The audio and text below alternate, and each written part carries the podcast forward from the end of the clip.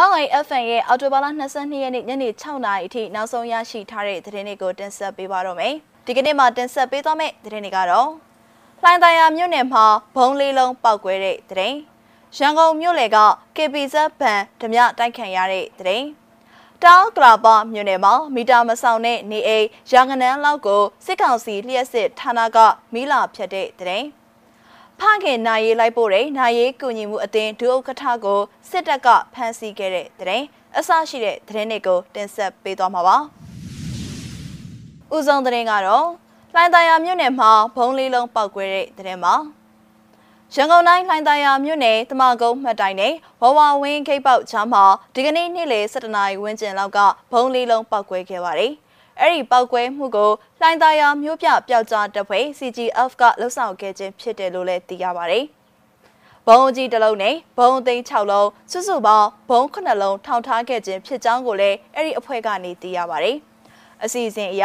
ဘုံသေးတွေဖောက်ခွဲအပြီးစစ်ကောင်စီတပ်ဖွဲ့ဝင်တွေလာရောက်စစ်ဆေးချိန်မှာဘုံအကြီးကိုဖောက်ခွဲဖို့စီစဉ်ထားခြင်းဖြစ်ကြောင်း CGF အဖွဲ့ရဲ့တာဝန်ရှိသူတဦးကပြောပါတယ်။ ဘုံပေါက်ကွဲမှုဟာတမကုန်းမှတ်တိုင်မှာဖြစ်တယ်လို့လူအများကသိလိုက်ကြပေမဲ့လည်းအမှန်တကယ်ကတမကုန်းမှတ်တိုင်ကနေဝဝဝင်းဂိတ်ပေါက်ထိတလုံးနဲ့တလုံးကိုပေး200စီချားကထောင်ထားခြင်းဖြစ်ပြီးဝဝဝင်းဂိတ်ပေါက်မှာဘုံအကြီးထောင်ထားတာဖြစ်တယ်လို့ CGF အဖွဲ့ရဲ့တာဝန်ရှိသူတအူးကမျက်စိမှကိုပြောပါတယ်။အဲ့ဒီပောက်ကွဲမှုကြောင့်ထိခိုက်မှုအတိအကျကိုတော့မသိရှိရသေးပါဘူး။ ဘုံတွေပါကစစ်ကောင်စီကိုအကြောင်းမကြားရနဲ့တွေ့ရှိခဲ့ရင်လည်းအနီးနားကပြည်သူတွေကိုအဲ့ဒီနေရာနဲ့ဝေးရာကိုခေါ်ဆောင်သွားဖို့ကိုလည်း CGF အဖွဲ့ကတောင်းဆိုထားပါတယ်ရှင်။ဆက်လက်ပြီးတော့ရန်ကုန်မြို့လေက KPZ ဘဏ်ဓမြတိုက်ခံရတဲ့အကြောင်းကိုတင်ဆက်ပေးကြပါမယ်။ရန်ကုန်မြို့ဗိုလ်တထောင်မြို့နယ်က KPZ ဘဏ်ဓမြတိုက်ခံရကြောင်းအနီးနားမှာရှိတဲ့နေထိုင်သူတွေကပြောပါရယ်။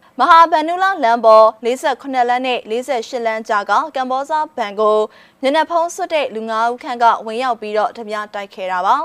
ဖြစ်သွားတာတော်တော်မြန်နေဗန်လုံကြုံရေးတွေတော့အထိုးကျိတ်ခံရတယ်လို့သိရပါတယ်။ငွေဘလောက်ပါသွားလဲဆိုတာကိုတော့မသိရသေးဘူးလို့အနီးနားမှာနေထိုင်သူတဦးကပြောကြားပါတယ်။လက်ရှိမှာမဟာဗန်နုလလမ်းပေါ်နဲ့တံတားပေါ်မှာစစ်ကောင်စီတပ်ဖွဲ့ဝင်တွေကစောင့်ကြပ်စစ်ဆေးနေကြောင်းကိုလည်းဒေသခံတွေကပြောပါတယ်ရှင်။ ဆက်လက်ပြီးတော့တောင်ကလာပမြို့နယ်ကသတင်းကိုတင်ဆက်ပေးကြပါမယ်။ရန်ကုန်တိုင်းဒေသကြီးတောင်ကလာပမြို့နယ်ခုနှစ်ရက်ကွက်ကမီတာမဆောင်တဲ့နေအိမ်တွေကိုစစ်ကောင်စီလျှက်စစ်ဌာနဝန်ထမ်းတွေကဒီကနေ့မနက်ပိုင်းမှာမိလိုက်ဖြတ်ခဲ့ပါတယ်။နေအိမ်အရေးအတွက်ရာကနန်းခန့်ဖြတ်ချင်းခံလိုက်ရကြောင်းကိုဒေသခံတွေစီကနေသိရပါတယ်။ မနက်ကတောင်းကလာခုနှစ်ရက်ကွက်ကိုမိဖြတ်သွားပါတယ်။ EPC ကလူတွေပဲလာဖြတ်တာပါ။မဖြတ်ရသေးတဲ့အိမ်တွေကိုလည်းမီတာမဆောင်ရင်လာဖြတ်မယ်။မီတာဆောင်မယ်ပြောပြီးမလာဆောင်ဘူးဆိုရင်လည်းမနှက်ဖြန်ပြန်လာဖြတ်မယ်လို့ချင်းချောက်သွားတယ်ဆိုပြီးခုနှစ်ရက်ကွက်မှာနေထိုင်သူတအူးကပြောပါတယ်။မီတာလာဖြတ်ရမှာစစ်ကောင်စီတပ်ဖွဲ့ဝင်တွေတော့မပါပဲလျှက်စစ်ဌာနကဝန်ထမ်းအယောက်20လောက်လာပြီးတော့မိဖြတ်ခဲ့တာလို့သိရပါတယ်။ မင်းလာဖြတ်တဲ့ဝန်ထမ်းတွေက၎င်းတို့ဟာတောင်ကလာပါမြို့နယ်လျှက်စစ်ရုံ EPC ကမဟုတ်ဖေမြောက်တကုံမြို့နယ် EPC ရုံကလာရောက်ခြင်းဖြစ်တယ်လို့ပြောသွားကြောင်းရက်ွက်နေပြည်သူတွေထံကနေသိရပါတယ်။ အခုလိုဖြစ်ပွားပြီးတဲ့နောက်ရက်ွက်နေပြည်သူအချို့မီတာက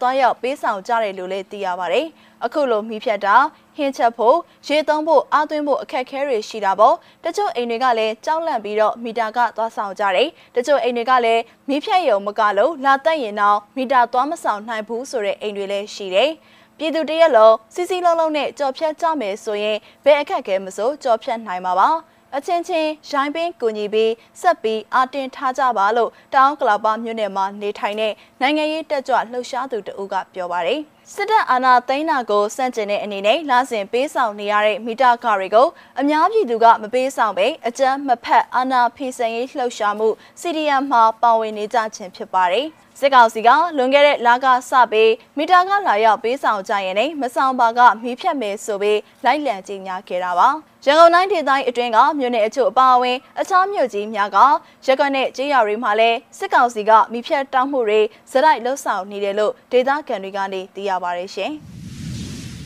နောက်ဆုံးသတင်းတစ်ပုဒ်အနေနဲ့ဖခင်နိုင်ရေးလိုက်ပို့တဲ့နိုင်ရေးကူညီမှုအသင်းဒုက္ကဋ္ဌကိုစစ်တပ်ကဖမ်းဆီးခဲ့တဲ့အကြောင်းကိုတင်ဆက်ပေးချင်ပါတယ်။ဖ ပဲခူးတိုင်းဒေသကြီးအနောက်ချမ်းပြည်မြို့မှာဖခင်နိုင်ရေးကိုလိုက်ပါပို့ဆောင်နေတဲ့မိုးမြင့်တာနိုင်ရေးကူညီမှုအသင်းတရုတ်ကထအပါအဝင်တခြားအမျိုးသား၃ဦးကိုစစ်ကောင်စီကဖမ်းဆီးသွားတယ်လို့တန်လင်ခက်သတင်းဌာနကဖော်ပြထားပါတယ်။ဖမ်းဆီးခံရသူတွေကမိုးမြင့်တာနိုင်ရေးကူညီမှုအသင်းတရုတ်ကထကိုမျိုးငိမ့်စော မိတ်ဆွေဖြစ်သူကိုသက်ကြီးကားမောင်းပေးသူကိုဝင်းစော်တို့ပဲဖြစ်ပါတယ်။မနေ့ကနေ့လယ်2နာရီခွဲလောက်ကအင်းငိမ့်ရာဘာသာပေါင်းစုံတုတ်တန်မှာကိုမျိုးငိမ့်စော်ရဲ့ဖခင်ကိုပို့ဆောင်ပေးပြီးအပြန်မှာအဖမ်းခံရတဲ့အကြောင်းအရိနာရေးကူညီမှုအသင်းရဲ့အဖွဲ့ဝင်တအူးကဆိုပါတယ်။ကိုမျိုးငိမ့်စော်ကစစ်ကောင်စီလက်ကနေထွက်ပြေးတိမ်းရှောင်နေရသူတအူးပါ။သူတို့သုံးကိုဘာကြောင့်ဖမ်းသွားလဲဆိုတာတော့မသိရသေးပါဘူး။ လိုက်ပို့ဖို့ပြည်နေကလေးကအကုတ်ကိုဖမ်းဖို့ဆိုပြီးအရက်ဝတ်တွေနဲ့ရောက်နေတာလို့ပြောတယ်ဗျာအကိုကသူ့အဖေနိုင်ရေးကိုလိုက်ပို့ပြီးအပြန်မှာအဖမ်းခံလိုက်ရတာအခုထက်ထိမိသားစုကအဆက်အသွယ်မရသေးဘူးသူကတုတ်တန်ကနေမပြန်ခင်သူ့အိမ်ကိုတော့ဖုံးဆက်သွားသေးတယ်လို့ပြောကြောင်းအတင်းသားတအူကတန်လင်ခတ်သတင်းဌာနကိုပြောတယ်လို့သိရပါတယ်ပြီးခဲ့တဲ့လပိုင်းအတွင်းမှာမုံမြစ်တာနိုင်ရေးကူညီမှုအသင်းရဲ့အသင်းသားတအုပ်နဲ့တူနာပြုအမျိုးသမီးတအုပ်ကိုလည်းဖမ်းဆီးခဲ့ပူပါတယ်။ အခုတစ်ခါမှာတော့ဒုက္ကထကိုထပ်ဖမ်းတာပါစစ်ကောင်စီကမိုးမြစ်တာနိုင်ရေးကူညီမှုအသင်းကိုဧပြီလမှာပိတ်ပင်ခဲ့ပြီးအသင်းမိုင်ကားဆယ်စီးကျော်နဲ့အရေးပေါ်အသက်ကယ်ပစ္စည်းတွေစေဝါတွေကိုယူဆောင်သွားခဲ့တယ်လို့နိုင်ရေးကူညီမှုအသင်းစီကနေသိရပါတယ်ရှင်။ Huawei FN ရဲ့အော်တိုဘာလ22ရက်နေ့ညနေ6နာရီထိနောက်ဆုံးရရှိထားတဲ့သတင်းတွေကိုတင်ဆက်ပေးခဲ့တာပါ။နားဆင်ပေးခဲ့တဲ့အတွက်ကျေးဇူးတင်ပါတယ်ရှင်။